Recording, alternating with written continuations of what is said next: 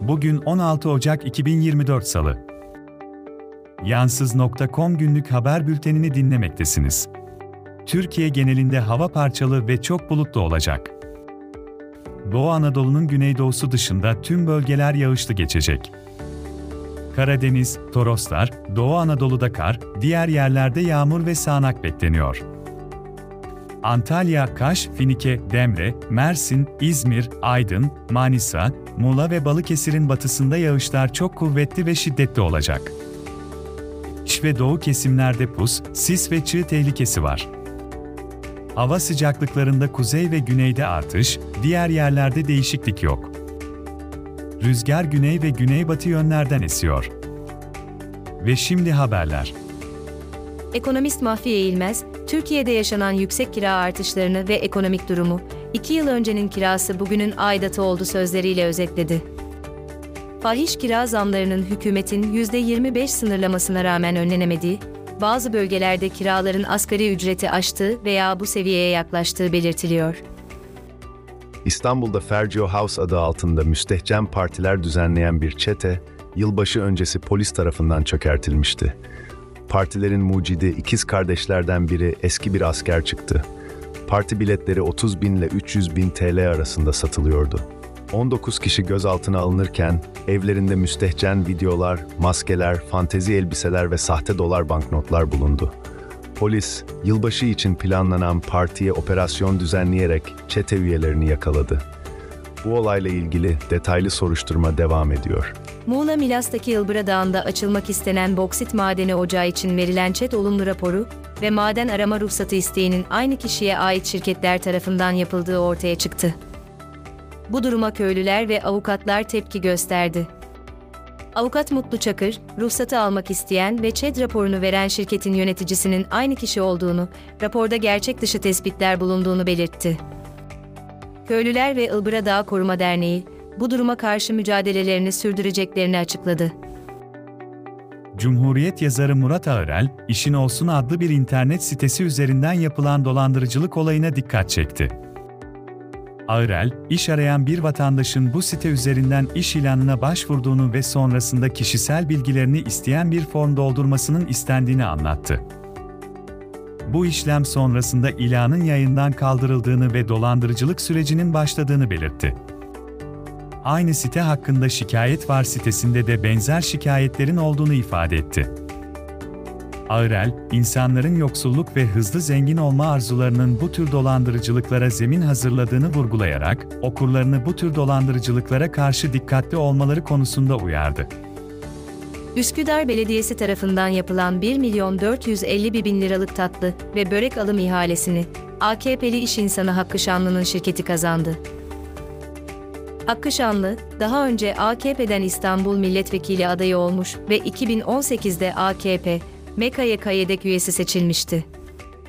Şirketin bugüne kadar toplam 16 kamu ihalesi aldığı belirtiliyor.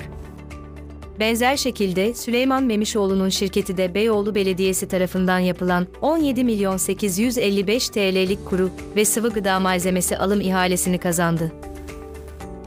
Memişoğlu, AKP'nin eski İzmir milletvekili adayıdır ve şirketi birçok kamu kurumundan 78 ihale almıştır. Sancaktepe Belediyesi'nin matbaa baskı hizmeti alım ihalesini ise Fatih Cömert kazandı. Cömert de bugüne kadar 50 kamu ihalesi almıştır.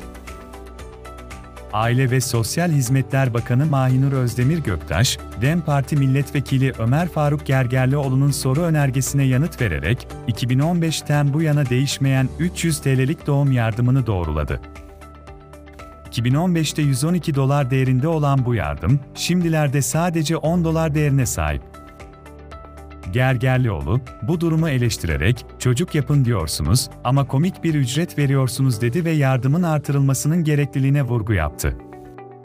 Resmi gazetede yayımlanan yeni bir karar ile zincir marketlerde, tıbbi beslenme tedavisi gerektiren hastalıklar için özel gıda ürünlerinin satışı zorunlu hale getirildi.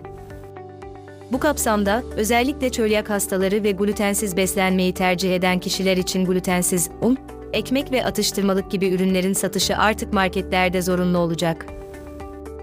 İstanbul'da motokurye Yunus Emre Göçer'e çarparak ölümüne neden olan Somali Cumhurbaşkanı'nın oğlu Muhammed Hasan Sheikh Mohamud'un yargılandığı dava sonuçlandı. Mahkeme, sanığı taksirle ölüme neden olmak suçundan 3 yıl hapis cezasına çarptırdı. Bu ceza iyi hal indirimiyle 2 yıl 6 aya düşürüldü ve daha sonra 27.300 TL adli para cezasına çevrildi. Sanığın ehliyetine de 6 ay süreyle el konuldu. Yunus Emre Göçer'in babası Metin Göçer'in avukatı karara itiraz edeceklerini ve davayı takip edeceklerini açıkladı.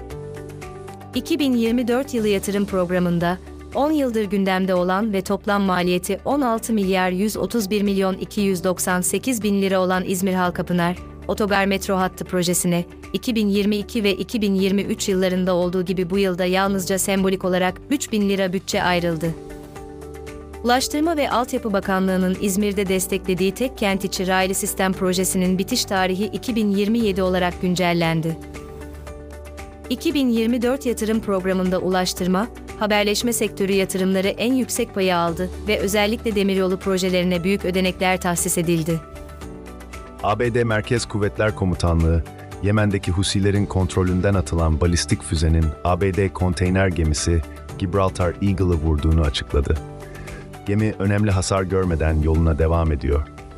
Husilerin Kızıldeniz'deki saldırıları, küresel ticareti ve tedarik zincirlerini etkiliyor. Antalya Spor'un İsrailli futbolcusu Sagiv Jehezkel, Trabzonspor maçında attığı gol sonrası yaptığı hareket nedeniyle açılan soruşturma kapsamında gözaltına alındıktan sonra serbest bırakıldı.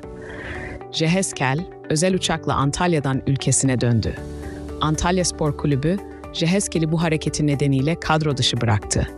Jehezkel'in gol sevinci sırasında kolundaki bandajda yazılı olan İsrail, Hamas Savaşı'nın başladığı tarih 7 Ekim 2023 ve Davud'un yıldızını gösterdiği belirtildi. Jehezkel, halkı kin ve düşmanlığa tahrik suçundan ifade verdi. Ancak serbest bırakıldı ve yurt dışı yasağı kaldırıldı.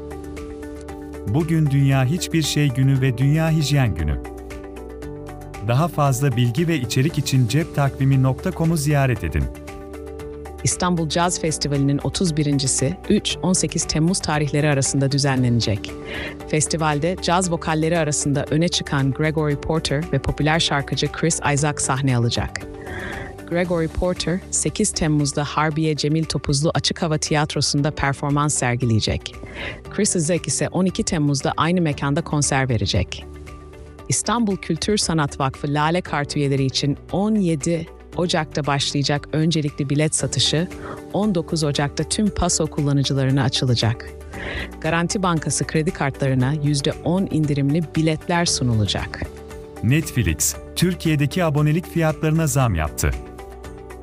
Temel paketin fiyatı %20 artarak 119 Türk Lirası 99 liraya, standart paketin fiyatı %18 artarak 176 lira 99 kuruşa ve özel paketin fiyatı %15 artarak 229 lira 99 kuruşa yükseldi.